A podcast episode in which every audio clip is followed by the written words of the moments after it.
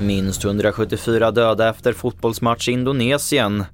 Räddningsarbetet fortsätter i Florida och bostadspriserna fortsätter att falla.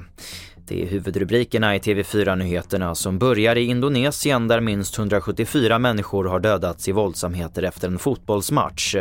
Vi hör reporter Viktor Nordenskjöld.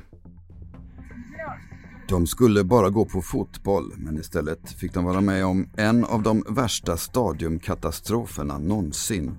Minst 129 människor dödades och hundratals skadades efter denna fotbollsmatch i Malang, Indonesien. Fans stormade planen efter matchen och kravallpolis gick in.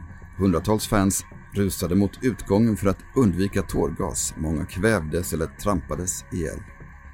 Indonesien ska vara värd för ungdoms-VM nästa år och söker också värdskap för nästa års asiatiska mästerskap.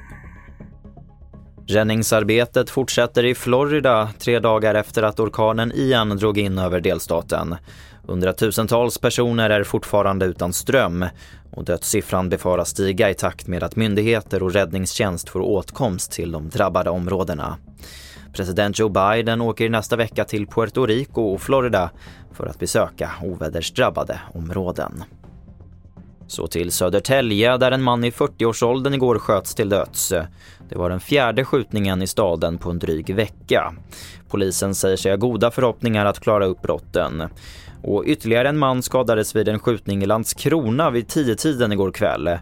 En trolig brottsplats spärrades av i väntan på teknisk undersökning och polisen har ingen misstänkt för dådet just nu. Till sist att bostadspriserna fortsätter att falla.